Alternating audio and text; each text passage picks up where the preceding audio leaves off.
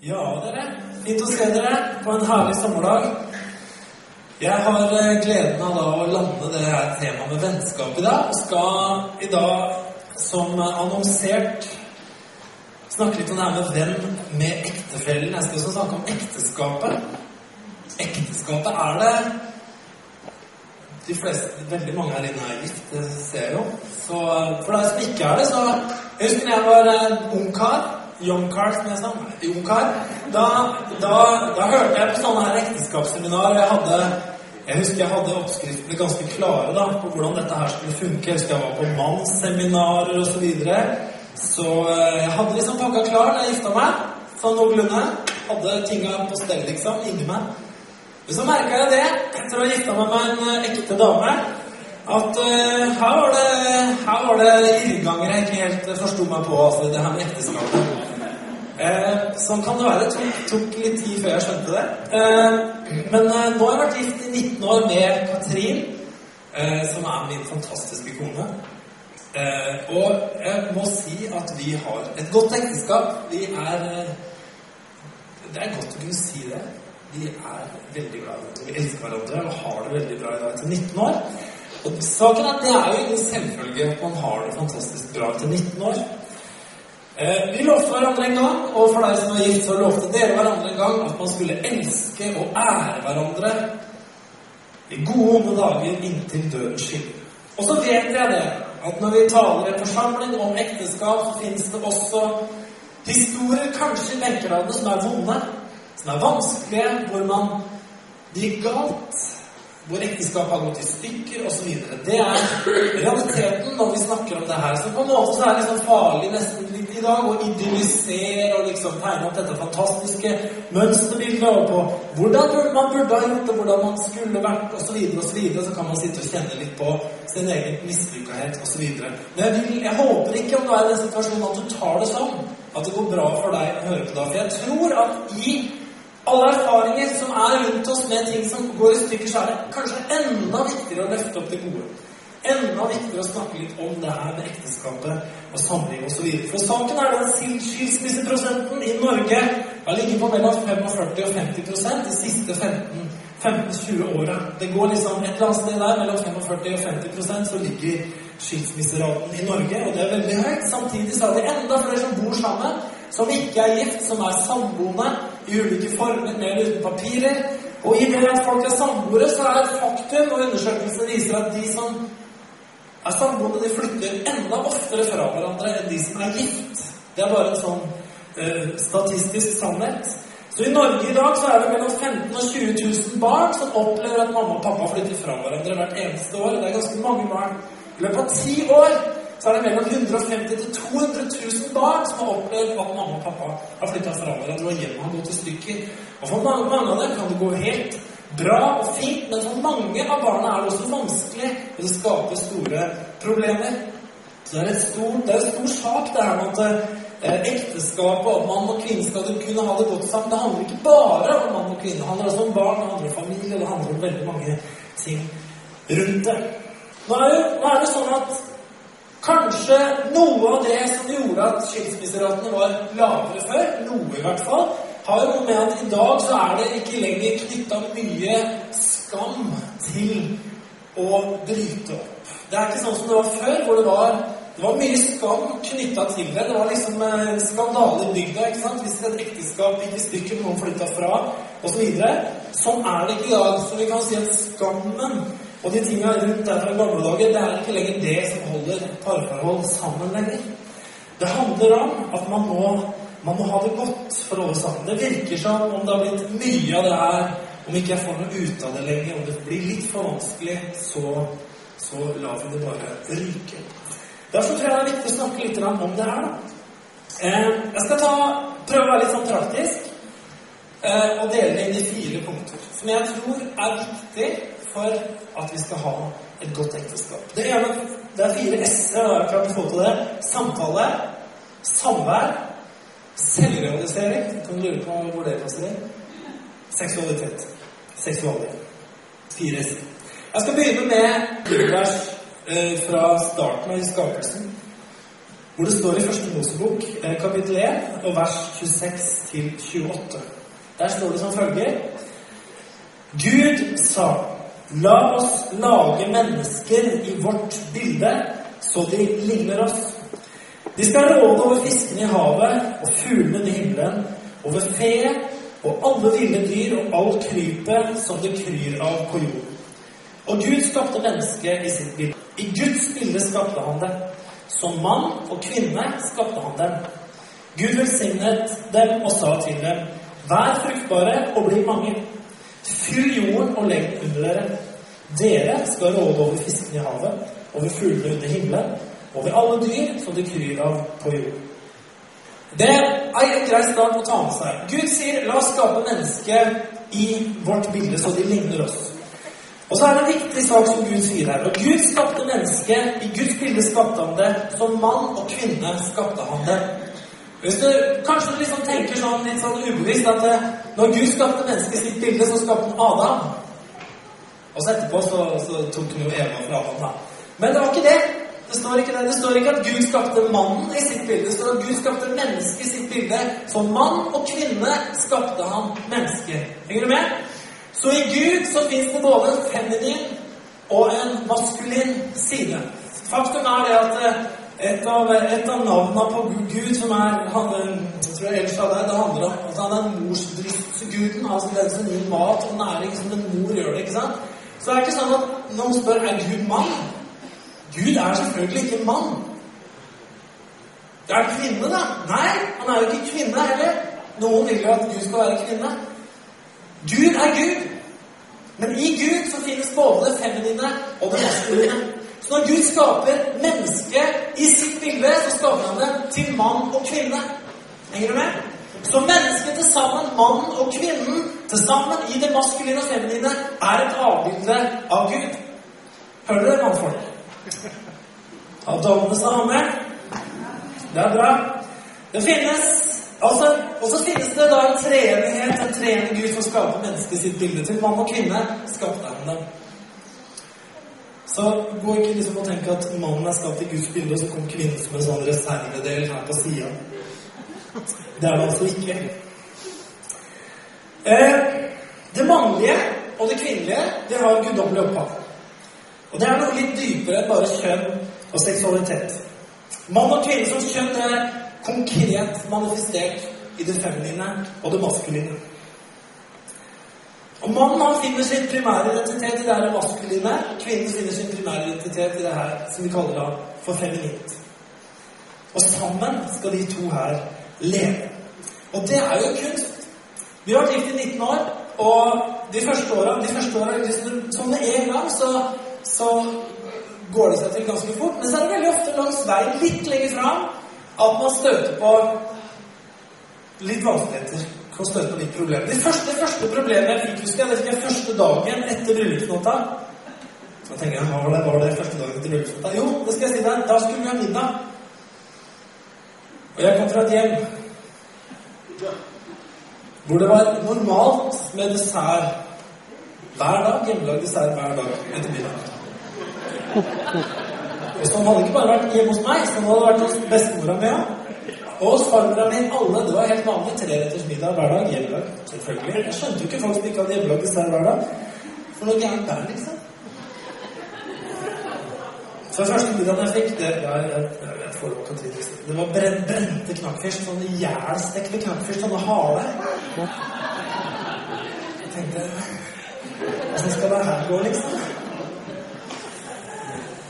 Ja. Det gikk jo bra etter hvert, altså. Og vi har alle fått lov å vokse sammen. Og Da er det viktig til dette her, det første punktet som jeg har lyst til å ta opp. Samtale. Det kan hende du sitter her i dag som har det vanskelig i ekteskapet. Jeg vet ikke. Men samtale er utrolig viktig. Gud ga oss mennesker en gave, en evne, som ingenting annet i skapningen har. Ingen dyr eller noen annen skapning har evnen til å snakke sammen. Til å kommunisere, til å samtale. Og det skaper, det skaper helt unike forutsetninger for en relasjon. Jeg mener, Dyr kan bo sammen, de kan spise sammen, de kan jakte sammen. De kan formere seg osv., men de kan ikke samtale, og det kan ikke utvikle seg åndelig. Det kan vi mennesker. Og ord, samtalen, orda vi sier, er åndelige, eller kan i hvert fall være åndelige. Gud, han skapte ved at han brukte ord. Det står han talte, og det ble til. Ord og samtale det er en forutsetning for å kunne utvikle en relasjon. Det er selvfølgelig innlysende, men allikevel så er det sånn at det, som ektepar så kan man lett gå glipp av de gode samtalene. Man kan jo snakke sammen. Man kan jo gi hverandre beskjeder osv., men det å samtale, det er noe ganske annet. Jeg fikk et råd av en kamerat som hadde vært gift i et par år når jeg skulle gifte meg. Eller han hadde vært gift i fem år, faktisk, allerede. Og han sa, 'Magne, når du nå gifter deg, så er det viktig at du lærer deg å lytte, og ikke bare å høre.' Jeg husker jeg stussa litt på hva forskjellen kunne være. Men jeg har vel forstått litt mer om det etter hvert. Det å høre Jeg hører hva du sier, men det har ikke gjort spesielt inntrykk på meg. Jeg har ikke tatt spesielt dypt inn. Det å lytte, det er å høre med interesse og høre noe av det som ligger bak orda. Hva er det egentlig som blir sagt? Jeg, jeg var jo ikke noe særlig flink til å lytte. Og jeg vet ikke om jeg alltid er så flink til å lytte enda, men jeg tror jeg har blitt litt flinkere til å lytte. Takk for nikket på første rad.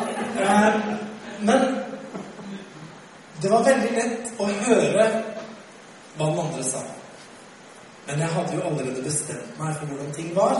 Jeg hadde jo allerede gjort opp min mening. Jeg hører hva du sier, men jeg vet hvordan det egentlig er.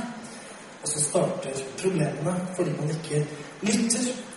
Og det er, som har, det er mange som har skrevet mye om det her. Alt, alt det her blir veldig overfladisk i dag. Vi, vi snakker om 40 minutter på et kjempetema. Men jeg bare må ha noen punkter og gi deg litt rart. Det er snakka mye om forskjellen mellom mann og kvinne, og det, det er jo skrevet eh, opp og ned om i 100 år, ikke sant? Og kommer sikkert til å fortsette med det. Men noen mener da og sier at når mannen og kvinnen kommuniserer, så kommuniserer vi forskjellig. Og vi oppfører oss litt forskjellig i ulike faser. Og det har i hvert fall jeg oppdaga, at det kan være litt sånn at når mannen får litt problemer, når mannen har utfordringer, så hva er det som skjer med oss veldig ofte da? Vi tier stille. Vi rømmer inn i hula vår. Og så skal vi løse problemene. Vi skal finne ut av det her. Vi liker best å komme ut når vi har et svar. Vi liker best å få klarhet i å ha et svar, ha en løsning. Det for oss å drive og surre rundt og diskutere litt sånn ut i det vide og det breie uten å ha ordentlig mål og mening og løsning, det føles nesten litt dumt. Mens konene våre de bare prater i vei. vet du. De ringer venninner, og de diskuterer, og de prater, og de prater mer enn de syns de burde mange ganger. ikke sant? Altså, bare vel, Det her er bare rød, tenker vi, ikke sant? Men de er litt annerledes. Én påstår det at eh, menn liker å demonstrere sin evne til å løse problemer uten innblanding. Mens kvinner liker å demonstrere, vise sine følelser og relatere problemene til andre, så andre kan være med og løse dem. Skal noen kjenne seg inn i det litt? Da? Jeg kjenner i hvert fall litt igjen i det. Damene liker gjerne å invitere folk inn i prosessen, mens vi menn vi liker gjerne å informere om svaret. Kanskje kvinner liker bedre å lese bruksanvisninger noen ganger òg. Vi menn gjør. Jeg vet ikke hvor mange av dere menn får skru på ting før de leser bruksanvisninga. Men veldig mange menn gjør det. Og hvis vi ikke får det til, så må vi krype til korset og lese bruksanvisninga etterpå. ikke sant? Og Det kan være litt sånn ekteskap òg. Vi har svaret på forhånd, vi vet åssen greia funker. Vi går inn, og så finner vi ut etter fire, fem, seks, sju, åtte år at kanskje vi skal lese bruksanvisninga på hvordan, her, hvordan damer egentlig fungerer. Jeg vet ikke åssen det er hjemme hos dere, men noen ganger så har jeg inntrykk da, at kvinner spør oss menn fordi vi tror at vi vet svaret, men vi ikke vet det. Vet ikke åssen det er når dere ser på film? Du, hva er det som kommer til å skje nå? Hva skal skjer med han nå etterpå? Hva Hva gjør jeg da? Jeg svarer nei, han kommer sikkert til å bli sikkert sånn og sånn og sånn og sånn. Å ja, sånn det blir, ja.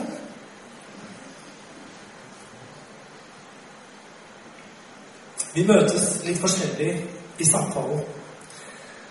Jeg tenker også at samtalen er utgangspunktet for den åndelige veksten i et forhold.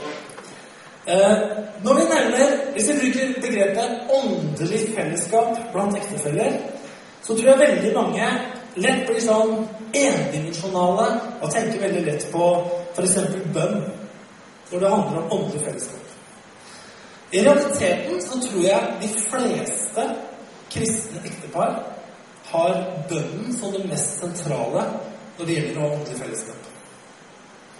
Jeg tror for de fleste så er samtalen den viktigste ingrediensen de har når det gjelder åndelig fellesskap. Det gjelder kanskje ikke for alle, men jeg tror for de fleste så gjør det det. Det sier jeg litt på bakgrunn av alle de menneskene som jeg har fått kjenne opp gjennom året. Eh, jeg vil definere det her med, med åndelighet. altså det åndelige fellesskap. Hva betyr egentlig åndelighet? Hva er det vi snakker om da? Det handler om at vi utøver visse si, bønneritualet, trosritualer, skriftritualer osv. Det, det er en del av det, men altså åndeligheten stikker jo litt dypere enn at vi utøver nærmest en sånn rituell sak, ikke sant? Eh, det handler om en som har definert åndelighet, sier at åndelighet er følelser og ens dype tro, ofte religiøse. Det er fredelige følelser i en person om hans mål i livet, relasjoner med andre og oppfatningen om meningen med livet. Hvis, hvis vi som et ektepar skal utvikle det her med dyp tro, altså med overbevisning Hva slags overbevisning er det vi bygger livet vårt på? Hva er det troen vår handler om? Hvor er vi i livet i forhold til tro? Hvis vi skal oppleve fred og fellesskap. Og hvis vi skal oppleve det her å dele målet i livet og komme sammen om en felles forståelse, så er det klart at samtalen er utrolig viktig. Det å prate om ting. Og vi sier jo i dag veldig mange ganger jeg vet ikke om du har sett, men ektepar, Noen ektepar har en tendens til å ligne mer og mer på hverandre. Har du merket det? Folk som de skikkelig lenge, de nesten får litt utseende til slutt. Det er et eller annet, eller De har jo egentlig ikke det. De er så like på en eller annen måte. Så de ligner litt på en litt rar måte. Og nå har jeg vært gift i 19 år og veldig ofte sier til hverandre Vi tenker jo så likt. Vi er jo så enige. Jeg tenkte akkurat det samme som deg. Jeg følte akkurat det samme som deg. Så vet jeg ikke om vi alltid føler det riktig også, men vi er i hvert fall veldig fornøyde med å være enige. Det er noe med at man har bygd et fellesskap, man har bygd relasjoner, og samtalen er utrolig viktig. Det handler ikke om beskjeder bare, men det handler om samtalen. Bønn det er en del av samtalen mellom Gud og mennesker, og i fellesskap med Gud.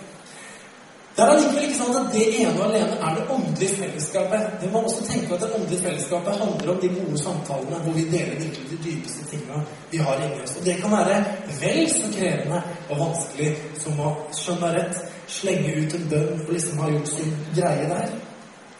Samtalen må være åpen. Det er ikke alltid lett, selv ikke ekteskapet.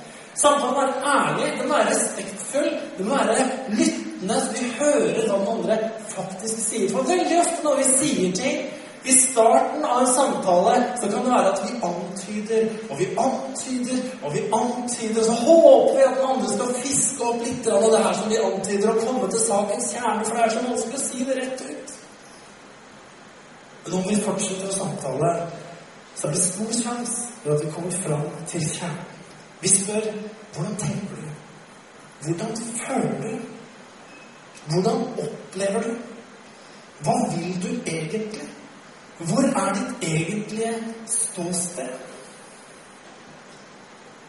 Samtalen si det, ord skaper. Det er viktig at vi sier ting til hverandre. Jeg har ikke vært så utrolig flink til å gi blomster. Jeg innrømmer det. Det fins andre som er mye flinkere til å kjøpe blomster på fredag og gi dem. Men jeg har vært flink til én ting, og Katrin har vært flink til én ting. Vi har vært flinke til å si til hverandre at vi elsker hverandre. Det har jeg hørt nesten hver dag. så lenge jeg har vært gift. Og det har jeg sagt nesten hver dag så lenge jeg har vært gift. Jeg elsker deg. Husk på det. Jeg elsker deg. Når du går ut døra, husk jeg elsker deg. Ingen er som du. Du er, du er det beste som er. Ja, hva må jeg begynne å si det, kanskje, tenker du da? Det er veldig fint hvis det kommer fra hjertet. Men noen ganger er det sånn at ord skaper det skaper noe i oss, og det skaper noe i den som tar det imot. At vi starter å si noen ting. En gang i livet så sto du der sammen med den, den du elska, og lovte å elske og ære hverandre. Det å elske og ære, tenker jeg, det er noe aktivt. Det er noe må, om du har latt det dø, så ta det opp igjen og begynn å si det. Vet du hva, jeg elsker deg. Vet du hva, De ordene kan være vanskelig å si. Jeg har hørt mennesker si Jeg har aldri hørt partnerne si direkte til meg 'Jeg elsker deg'. Si det. Si at du elsker den andre. Amen. Samtale. Samvær er det andre som er tenker jeg, et viktig punkt sånn i ekteskapet for å bevare dette mennesket. Dette livet sammen. Og Hvis du ordet samvær rundt, så blir det å være sammen. Man treffer alle mulige varianter av ektepar i forhold til det her med samvær. Alt fra det ene paret som ikke tillater ektefellen så mye som å bevege seg ut av døra alene. Man eh, skal gjøre alt sammen. Den andre får ikke lov å stikke ut og dyrke sine egne interesser på noen måte. Eller får ikke lov å treffe kompiser alene, får knapt lov til å treffe venninner alene osv.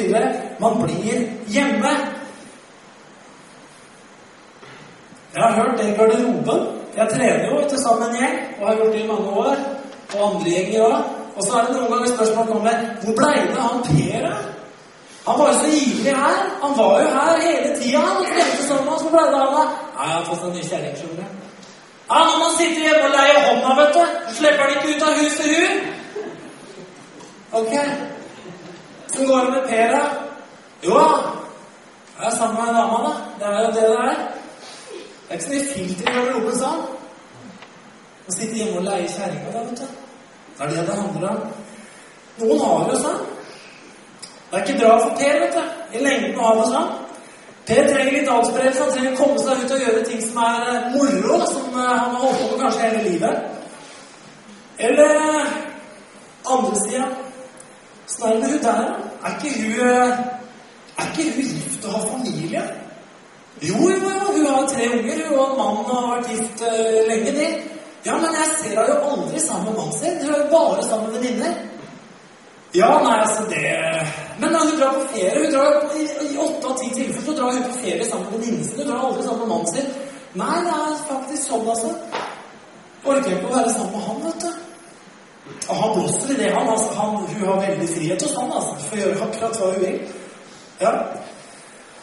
Samvær. Jeg vet ikke om du har møtt de der eksemplene. Det er noe med å ha litt balanse i det her. Det er noe med at Man må få lov å ha et litt selvstendig liv selv om man er gift. Men det må ikke være så selvstendig at man slutter å leve sammen og være sammen. Det kan være overkontrollerende eller det kan være overselvstendig, og det blir litt feil begge deler. I utgangspunktet for ekteskapet så er det en enhet mellom ånd, sjel og kropp. Det står de to skal være ett. Og det handler om å eie noe sammen. Det handler om at eh, vi tar med oss det vi har, inn i ekteskapet, og så sier vi at fra nå av så er det ikke lenger mitt, men det er vårt. Det er noe vi deler. Det handler om å eie. Derfor så tenker jeg det at det er litt viktig å kunne ta del i den andres interesser på en positiv måte.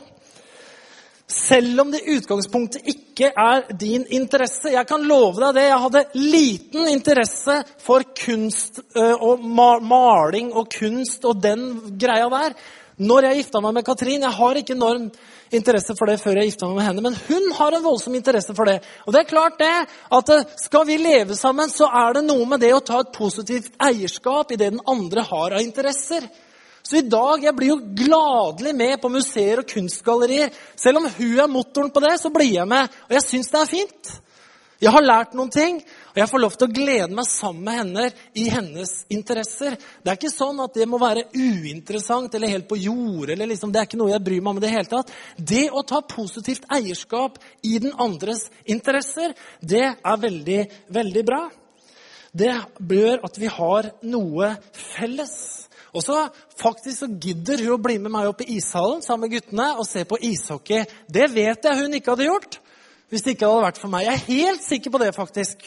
Jeg har faktisk sett deg juble på en kamp òg. Når Vikings vant på overtid og fikk det der målet som gjorde at de vant. Da reiste jeg seg og jubla. Og jeg vet at du egentlig aldri hadde vært der. hadde ikke vært for at jeg var der. Men det har noe med å ta et litt positivt eierskap i hverandres interesser. Og være interessert og ha et samvær rundt de tinga vi driver med. Det vi har felles, det vil styrke relasjonen vår. Absolutt. Så vi skal ikke leve individualistisk. Vi har to biler. Vi har en liten bil, en som vi ikke kjøpte for så veldig lenge siden. En sånn bitte liten Mercedes. Den er så lang cirka, så når du snur deg, så har du bakruta der. Veldig liten bil.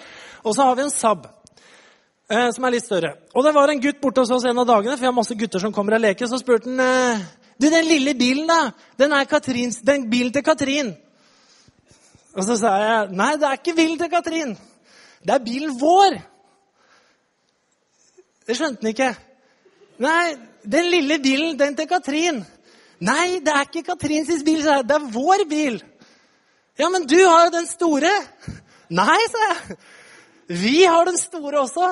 Nei, Det var så vanskelig for deg å skjønne. Du skjønner, Vi eier begge bilene sammen, sa jeg. Så vi kjører alle bilene forskjellig, vi. Så vi har de sammen. Jeg spurte ikke hva slags hjem han kom fra. Nei, men vi, altså, vi, vi eier sammen. Vi har noe sammen som er vårt, som vi eier. Så jeg syns eh, det skal man være litt opptatt av, å ha ting felles. Det er også veldig bra å ha felles økonomi. Jeg må bare slenge ut den. Felles økonomi anbefales. Man kan komme borti ektepar hvor man ikke har felles økonomi. De har vært gift hele livet, har vært første ektefellen og alt mulig. Det er ikke felles økonomi, og man driver og skylder hverandre penger. Vi har vært på ferie, vet du, og jeg betalte i hotellet. Og, og, og, Kari hun skulle betale maten ikke sant, og alle restaurantene. Så hadde ikke hun mer igjen på kortet, så nå skylder hun meg 3000 kroner etter ferien. Herlig hjemme, altså. Jeg kan tenke meg det hvordan det her må være. Jeg anbefaler felles økonomi. Ha felles økonomi hvis det ikke er ekstremt spesielle grunner til det. Det fins jo noen gode grunner til det. Hvis den ene f.eks. bruker opp alle pengene på travbanen eller et eller annet sånt noe, hver fredag. Da er det en god grunn til å ha separat økonomi. Men normalt sett så anbefaler jeg felles økonomi. Hvordan kan du gjøre det? Jeg gjør det på bakgrunn av utallige samtaler opp gjennom noen år som pastor. Felles økonomi anbefales. Tid og samvær, det er viktig. Tid og samvær er viktig.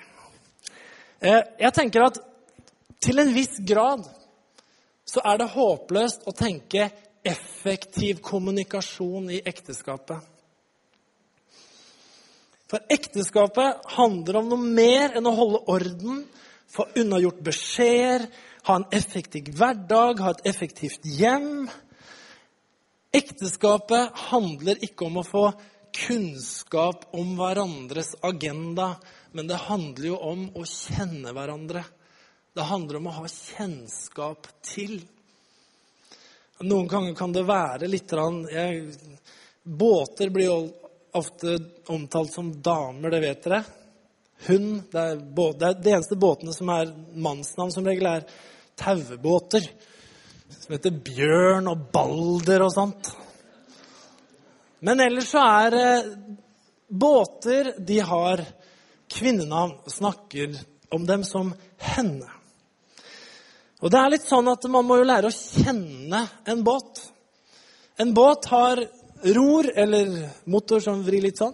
Den har en motor som regel, og så har den et skrog. Men så er det sånn at selv om du har kjørt en båt 100 ganger og forskjellige båter.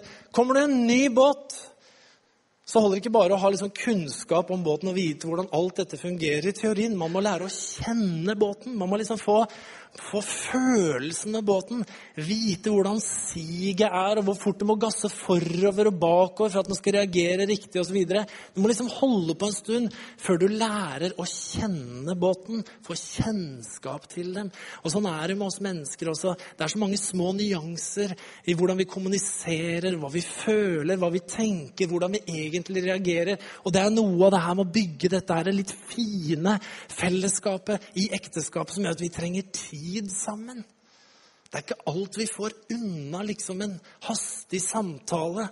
Og at vi skal være effektive, er selvfølgelig nyttig mange ganger. Men allikevel så handler det her om å leve sammen. Om at vi må ha tid nok, så vi lærer å kjenne hverandre. De små tinga som gjør at vi sier til hverandre Du, du fikk det der lille draget i munnvika når han sa det. Og da skjønte jeg det at du likte ikke helt det han mente.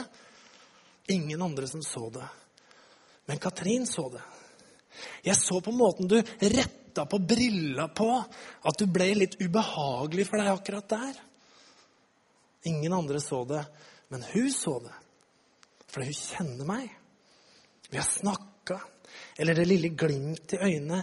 Jeg vet hva det betyr. Jeg kjenner deg. Og det er noe av det her som kan forsvinne om vi ikke har tid sammen, om vi ikke er nok sammen. Så kan vi miste hverandre litt og bli litt lite følsomme. Så det å være sammen, ha tid sammen, samvær, ha noe felles, gjøre noe felles, interessere seg for hverandres interesser, det er viktig. Det er veldig viktig. Den tredje S-en som jeg har lyst til å si noen få ord om, det er det høres, Dette høres helt motsatt ut. Selvrealisering. Høres veldig rart ut å putte inn her. Men allikevel. Det står et sted i Bibelen en, en tanke som fins, som er henta fra 5. Mosebok 32-30, hvor det handler om at én eh, slår 1000, og to slår 10 000. Og det betyr at det, det, er, det, er, liksom bare et lite vers som forteller oss om at det er et potensial i å bli to. Som ikke dobler muligheten og kapasiteten vår, men som tidobler mulighetene og kapasiteten vår. Sannheten er det at det meste som vi drømmer om i livet, det kan vi ikke få til alene. Det må som regel være flere, i hvert fall én, eller kanskje flere, som hjelper oss, og som er med oss på veien til å nå det vi drømmer om. Men teksten forteller som sagt om en ting. Det er at én slår tusen, mens blir vi én til, så blir vi ikke dobbelt så sterke. Vi blir ti ganger så sterke. Vi kan drømme om å ha barn, men det må være to for å få det til. Jesus ville frelse hele verden. Han gjorde i og for seg det, men han trengte tolv disipler for å få det til. Veldig mye av det vi har i oss som vi drømmer om, det handler om at det må én eller må flere til. Det står noe Noen har skrevet noe om menn og kvinner. Om det, dette er ikke eksakt vitenskap, men det er litt sånn dette her er henta fra den boka som heter 'Kvinna er fra Venus, mannen er fra Mars'. Ja, det kom et amen på det. Men eh, forfatteren av det han skriver at mannens instinkter er ofte å ta vare på seg selv og se etter sine egne interesser. Og en mann er ofte mer villig til å ofre andre og gå over lik for å få til det han vil. En kvinne er ofte annerledes. Hennes instinkter er ofte å ta vare på andre. Ofte er det sånn at hun gjerne kan ofre seg selv for at andres interesser skal komme først. Og det er klart at her må det skje et eller annet om det er sånn. Jeg er jo litt forsiktig med å si at sånn er det, for sånn er det jo selvfølgelig ikke alltid. Men vi kan kjenne igjen noe av mønsteret. Vi kan kjenne igjen noen ganger oss menn som er veldig bestemte på hva vi skal. Som har veldig klare meninger om hvordan ting er. Og som ender opp med å være fryktelig dominante. Og som ender opp med å bli ganske hensynsløse med tanke på å få ting igjennom, fordi vi vet jo hvor vi skal, og vi vet hvordan ting skal være. Og så går vi over lik. Vi bryr oss ikke så mye om hva som ligger etter oss på stien, bare vi liksom kommer fram til målet. Derfor er det mange menn som er gründere. Det er mange menn som starter ting, og som er villige til å gå veldig tøft til verks for å få saker igjennom. Men det er ikke et bra utgangspunkt inn i ekteskapet å være villig til å gå over lik for å nå målet sitt. For da er det jo det du ender opp med. Du ender opp med et ekteskap som blir et lik. Jeg har truffet mange sånne menn. Opp igjennom jeg har truffet den mannen i meg sjøl ved mange anledninger. Så er det kvinnen som noen ganger kan være så, så inkluderende, så oppofrende, sette seg selv så mye til side at alle andres behov og alle andres saker og ting er så mye viktigere enn henne selv. Hvor hun blir nærmest selvutslettende.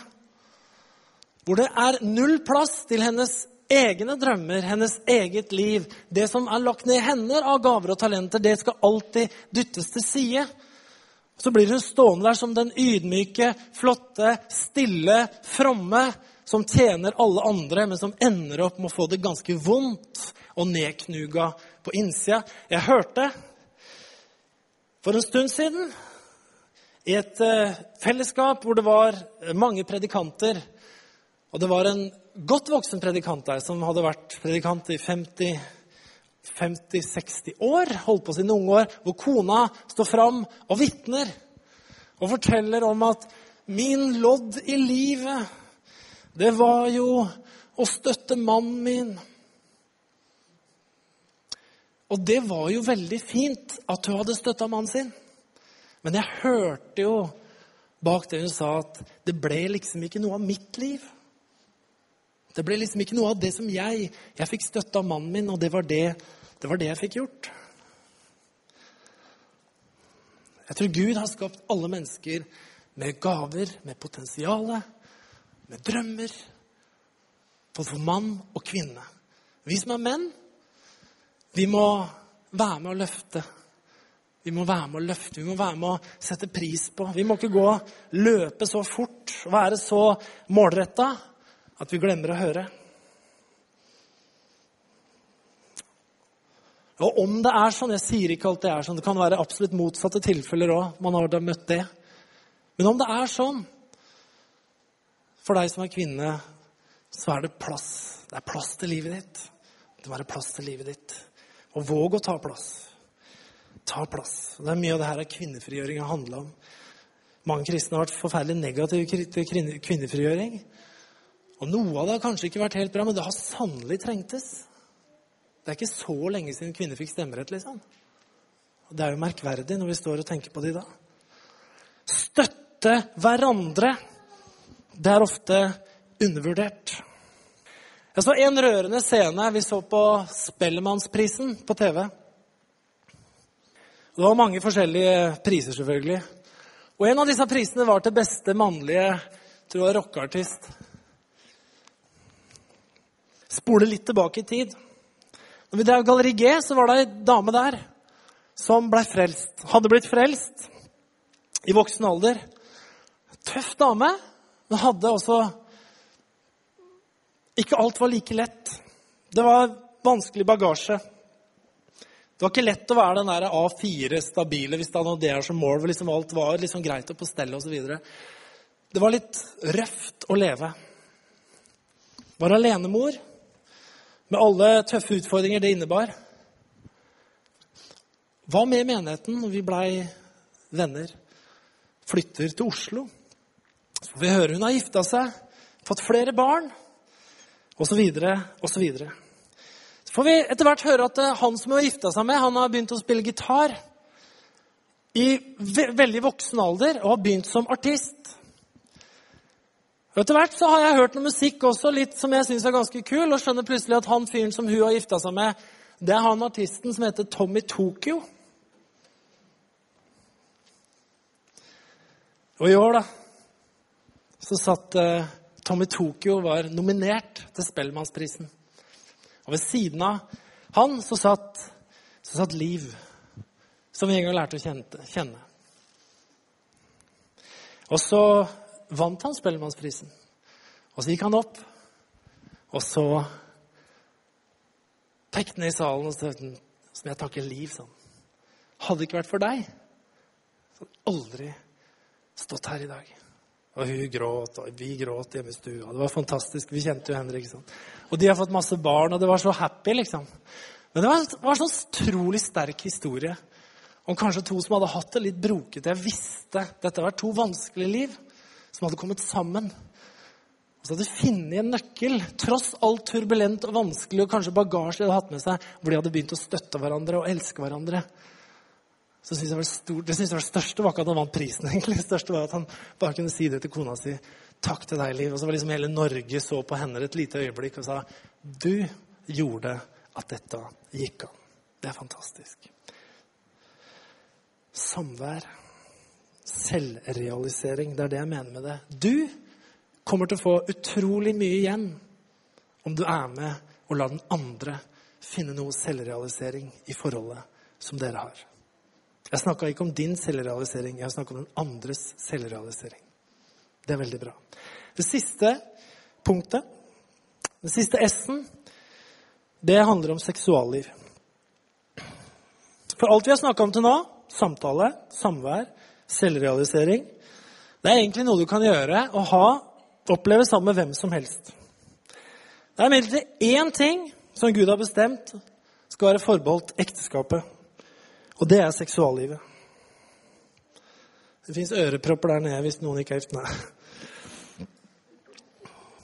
Jeg tror ikke det er så farlig i dagens overeksponerte samfunn for seksualitet. Fra Bibelens side så er det liksom ingen tvil om at uh, det seksuelle er det fysiske uttrykket for at pakten som har blitt inngått, den er forsegla. Det er eh, et uttrykk som går tilbake, helt tilbake til gamle testamentlige tid. Så handler om det her man ekteskapspakten ble forsegla når man inngikk det seksuale livet sammen. Det er, eh, Seksuale gir også det fysiske uttrykket for den skaperkraften som fins i ekteskapet. Det fins kreativ skaperkraft i ekteskapet. Det fins også det rent fysiske uttrykket er at vi får barn. Det skapes nye mennesker. Hvilket mirakel. Det er jo helt fantastisk. Eh, nå er det mange som vil hevde at, eh, at Bibelen fornekter og har et negativt og begrensende bilde av seksuallivet. Og det, det må vi si det er feil. Selv om mange mener det.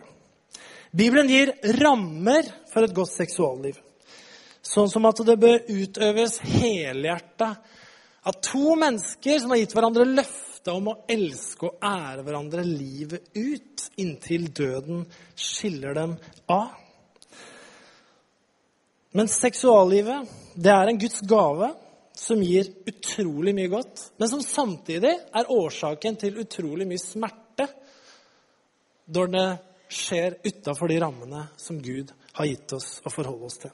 Og ekteskapet er den ramma. Eh, apropos eh, positivt bilde av seksualitet. Jeg, jeg glemmer, jeg, altså det er jo noe med at i kristen sammenheng For å være helt ærlig, det har vært, det har vært mye forknytt angående, angående seksualitet. Og det har vært utrolig tabubelagt, det her med seksualiteten. Det har liksom ikke vært noe man skal snakke om. Og veldig ofte så har det vært sånn også at man har vokst opp eh, som tenåring, ungdom, og det man har hørt om seksualitet, har i 90% av tilfellene vært eh, pass deg, hold deg unna, dette er farlig, eh, lev hellig og rent. Og selvfølgelig, alt er riktig, men når det er 90% av det farliggreiene og 10 av det, ja, selvfølgelig har Gud skapt det, ikke sant? men vi sier ikke noe mer om det, så, så blir jo liksom bildet at dette her er jo dette her er jo egentlig veldig urent, altså, det her med seksualitet. Det er liksom en, en, kilde til dårlig samvittighet og i det hele tatt. Det er noe vi ikke skal tenke på engang. Og så blir det en voldsom konflikt da, når man vokser opp og man oppdager man har jo seksualitet. ikke sant? Det her fins jo i kroppen og alt det her. ikke sant? Det er jo der. Og, og det negative bildet, det, det fy-bildet, da, det kan jo prege oss veldig veldig sterkt. Og det kan kneble seksuallivet kanskje langt inn i ekteskapet, og kanskje hele ekteskapet for en del mennesker. Jeg glemmer jo, Apropos altså, positivt bilde av det her, jeg, jeg, glemmer jo aldri den kvelden da en av gutta på rommet på leir, tenåringsleir oppdaga Salomos høysang. Det er uforglemmelig kveld. Vi hadde bare levd Johannes og Matteus og Markus og Lukas og litt apostlenes gjerninger. ikke sant? Og her var det en av gutta som oppdaga Salomos høysang. Det var en revolusjon. Vi har aldri lest så mye Bibelen på det rommet jeg var på. i hvert fall, den leiren. Det var ikke måte på det beskrivelser av hvordan alt dette her, hvor flotte brystene var, og halsen og tennene og jeg vet ikke hva det var. ikke sant? Jeg vil drikke av ditt beger. Det var ikke måte på. Er det mulig, tenkte vi. Står dette virkelig i Bibelen? Er ikke dette urent? Det sånn, det er jo Bibelen. altså Det er Gamletestamentet. Er noe miks her? liksom? Altså, jeg husker Vi skjønte jo ikke helt det her. Men vi leste Salmos høysang, og det var jo veldig, veldig fint. Men det gir samtidig et, et, flott bilde av to som elsker hverandre. Og det er et bilde også på Kristus og menigheten osv. Men seksuallivet er jo ikke tenkt utøvd fra et egoistisk begjær. Men det er jo tenkt utøvd med gjensidig glede av to som elsker hverandre og er hengivne til hverandre. Ofte så blir Paulus referert til som den store dreperen av seksuell glede. Seksuell glede og utfoldelse. Men eh, jeg, jeg syns man tar veldig feil der. Jeg har lyst til å ta dere inn i en liten eh, passasje i Bibelen som står i 1. Korinterbrev 7. Eh, I vers 1-7. Så skriver Paulus litt om det her med seksuallivet. Han skriver når det gjelder det dere skrev om, så er det godt for en mann å ikke røre en kvinne. Men for å unngå hor skal hver mann ha sin kone, og hver kvinne sin ektemann. Mann skal oppfylle sin forpliktelse overfor kvinnen, og hun overfor ham. Kvinnen rår ikke over sin egen kropp, det gjør mannen. På samme rår ikke mannen over sin egen kropp, det gjør kvinnen. De skal ikke nekte hverandre samliv hvis dere ikke har blitt enige om det for en tid, for å leve i bønn. Kom så sammen igjen for at ikke Satan skal sette avholdenheten deres på prøve. Dette er ment som en tillatelse, ikke et påbud. Jeg skulle ønske at alle var som jeg, men enhver har sin egen nådegave fra Gud. Den ene slik, og den andre slik. Paulus starter og slutter med singellivet sitt. Paulus er singel. Eh, og han i de, tiden, de levde i vanskelige tider. Det var en av bakgrunnen for at han skrev at han anbefalte det. Men så innser han at sånn er det jo ikke. Og han sier samtidig at det å leve aleine og ikke ha behov for å utøve et aktivt seksualliv, det er en nådegave som ikke alle har. Som kanskje ikke så veldig mange har. Men noen har den nådegaven. Å leve uten å ha et aktivt seksualliv. Derfor så skriver han at det er bra at dere er gift, at dere har fellesskap, og at dere har et aktivt seksualliv. Fra The Message Bible så står det sånn, oversatt Innenfor en riktig sammenheng så er det slik at det er godt for en mann å ha en kone, og for en kvinne å ha en ektemann. De seksuelle driftene er sterke, men ekteskapet er sterkt nok til å møte og oppfylle dem og sørge for et balansert og godt seksualliv i en verden full av seksuelle avvik. Ektesengen må være et sted av gjensidighet, der mannen søker å tilfredsstille sin kone, og hvor konen søker å tilfredsstille ektemannen. Ekteskapet er ikke et sted hvor man står opp for sine rettigheter. Ekteskapet er en bestemmelse som handler om å tjene den andre, både i og utenfor sengen. Å avstå fra sex er greit dersom begge er enige om det for en kortere tid, om det er fordi man ønsker å søke Gud i bønn og faste. Men bare i slike tider. Så må man komme sammen igjen. Satan har mange måter å friste oss på når vi minst venter det. Jeg pålegger ikke, disse periodene, jeg pålegger ikke disse periodene avholdenhet, men gir mitt beste råd om dere skulle ønske å ha dem. Det er, eh, så Paulus er jo egentlig, jeg synes han er kjempeoffensiv når det gjelder seksuallivet. La oss si litt om det, for her er utrolig, det er et utrolig viktig punkt i samlivet. Det er det. Selv om vi snakker høyt om det eller ikke snakker høyt om det, så er det viktig i samlivet, selvfølgelig. Altså, har du, Enkelt og greit, har du ikke nådegaven til å leve alene, så har du behov for et aktivt seksualliv. Ok? Bibelen anerkjenner at det er normalt og det er vanlig å ha seksuelle drifter som er sterke. Det er ikke sånn at det er liksom feil. Sånn er det, sier Paulus. Sånn er det. Derfor er det rett og slett få, få gifta deg hvis det er sånn. Så det her går bra. En, så du har en ramme å ha det i. Eh, det andre han skriver om, bare dette blir litt sånn punktvikt, det er man har en seksuell forpliktelse. Det høres jo litt sånn der hardt ut uh, på en måte. Men det å ha et aktivt seksualliv, det er ikke noe, det er ikke noe luksus, liksom. Det er ikke noe sånn spesielt. Det er noe som blitt betegna som veldig normalt. Og Paulus skriver også det som en plikt overfor den andre. Han bruker ganske sterke ord når han sier at kvinnen rår ikke over sin egen kropp. Det gjør mannen. ikke sant? Og mannen rår ikke over sin egen kropp. Det gjør kvinnen. Det er klart at Her er det fint med samtale, kommunikasjon, enhet osv. Så, videre, og så, videre. så ligger noe annet rundt en liksom her, ja, 'Jeg bestemmer over kroppen din, så jeg bare skal ha det nå.' ikke sant? Det blir litt platt i lengden. Det funker ikke så bra. Men poenget er det at det skal heller ikke være en sånn kjiphet hvor man nekter hverandre seksuell omgang. Vær litt raus med det. Og Man kan jo lure Enkelte ganger så fins det jo historier om folk som har vært utro. Og det er ikke bra. Og så kan man jo i enkelte tilfeller under samtale få vite at forrige gang jeg hadde seksuell omgang med min ektefelle, var for fire år siden. Det er klart at sjansen for at det kan skje noe annet, den øker kanskje proporsjonalt med tida det går fra man selv hadde det i eget ekteskap. Så ikke nekt hverandre, det er jo det Paulus sier. Om dere skal la være, så la det være for en kortere tid. Og så kom så sammen igjen, for det er så lett å bli frista og bli dratt ut, og så får man lyst til å ta det ut helt andre steder enn i de rammene som Gud har gitt. Tiden går. Noen korte tanker til slutt. Nå bare slenger jeg ut litt sånn. Ok, Kan du gjøre det om seksuallivet? Jeg gjør det. Jeg har ikke tid så mye mer her i dag. Noen korte tanker eh, for enkelte kristne. For det første, seksualitet og seksualdrift er ikke et resultat av syndefallet. Det er ikke urent. Adam reagerte veldig positivt på Eva allerede før syndefallet, synes vi å legge merke til. Sex er ikke noe skambelagt som bør utføres i mørket med dyna godt trukket over. Bibelen sier at vi skal leve i lyset, så kan du tenke hva du vil om det. Men altså, les Høysangen. Seriøst. Les Høysangen. Det er helt tydelig at de, at de som elska hverandre, de likte hva de så. De beskrev.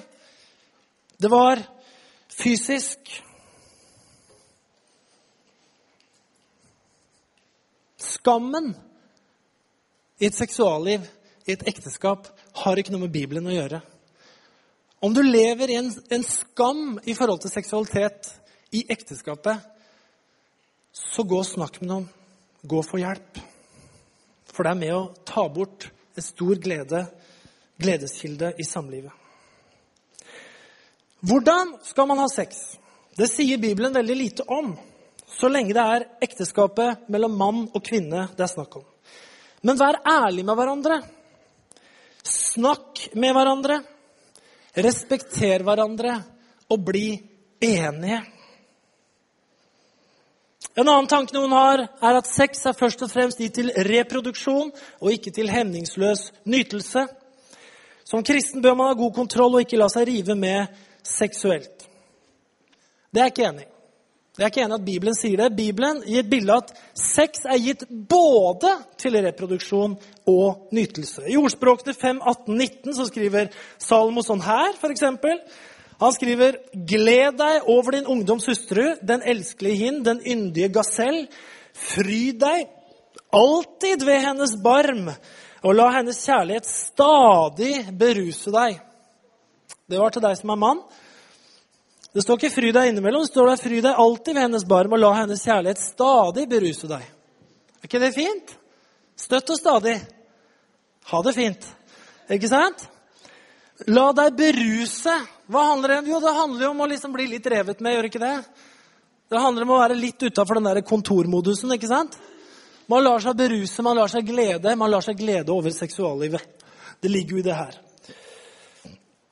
For å ha et godt og aktivt seksualliv det kan ha Det kan ha noe å si Nå skjønner jeg helt understand. Det kan ha noe å si at man samtaler.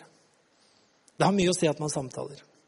Og det har, kan også ha noe å si litt hvordan du ser ut. Det er litt touchy å si. Jeg hadde en gammel bibellærer som var 80 år når jeg hadde han i temaet om ekteskap og seksualliv når jeg gikk på bibelskole. Og han sa ni som inte er gifta, ni får være fri at gå ut nå. Nå skal jeg tale om seksuallivet.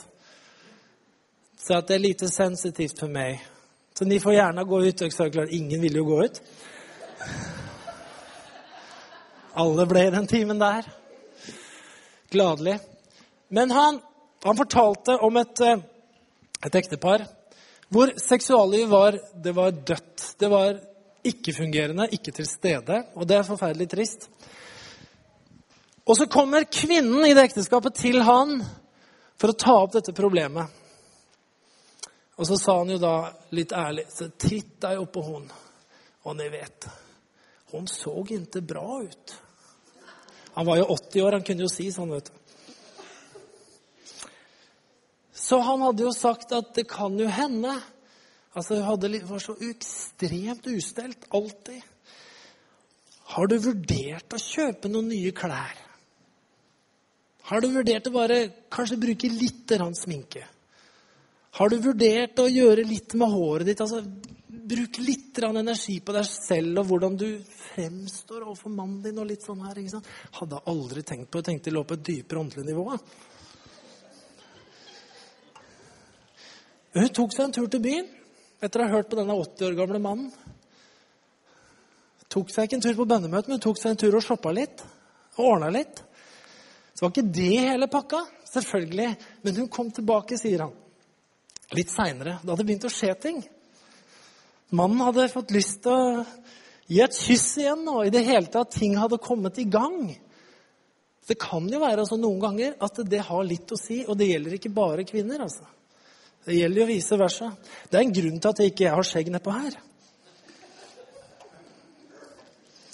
For å si det sånn.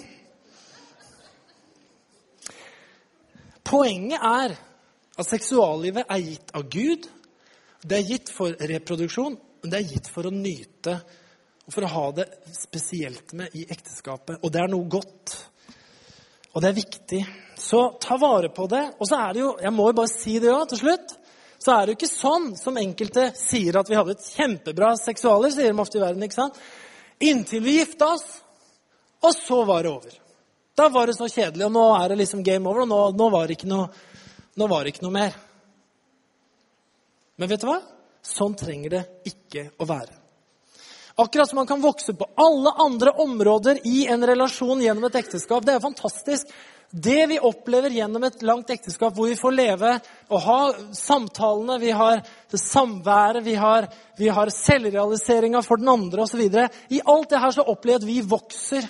Vi opplever nye ting sammen. Selvfølgelig På det seksuelle området så er det ikke noe annerledes. Man kan vokse, man kan utvikle det seksuallivet. Og Jeg husker når jeg gifta meg, så var det sånn at jeg leste et intervju med noen som sa at vi, vi fant først liksom ordentlig ut av seksuallivet vårt til å klaffe når det har gått ti år. Jeg tenkte det er ikke mulig. Det er jo veldig enkelt. Det er jo bare å gjøre sånn og sånn, så har man et seksualliv. Men jeg skjønner nå vet jeg hva de mente. Ting utvikler seg. Og hør nå! Om, jeg må si det, om det har tørka opp, om det er et bom stopp, om det ikke er noen vei videre, så er det noe man går glipp av i ekteskapet som er ganske farlig å gå glipp av i forhold til samværet og fellesskapet. Sånn at hvis det har skjedd, få hjelp. Ta og prat med noen til å komme løs og komme videre. Det kan være små ting som gjør at dette har låst seg fast, og så kommer man videre. Nå skal ikke jeg snakke mer om det. Det kunne vi snakka veldig mye om. Men ok, oppsummering, samtale. Lytt og hør. Si ting, vær åpne, fortell sannheten, snakk til hverandre. Samvær, bruk tid sammen. Mange oppdager for seint at de burde ha brukt mer tid sammen. Da er det for seint.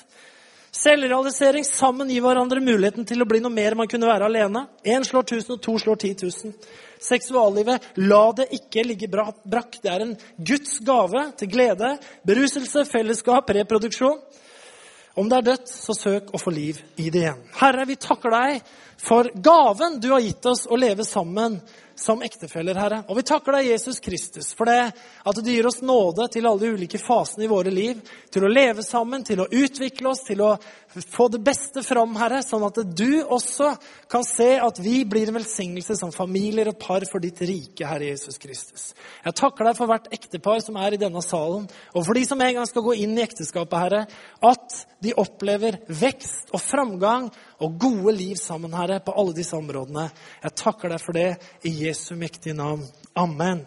Da avslutter jeg der. Det er ikke gjort lenge. Kanskje vi skal lage et seminar en gang. Amen. Vi får se. Ha det.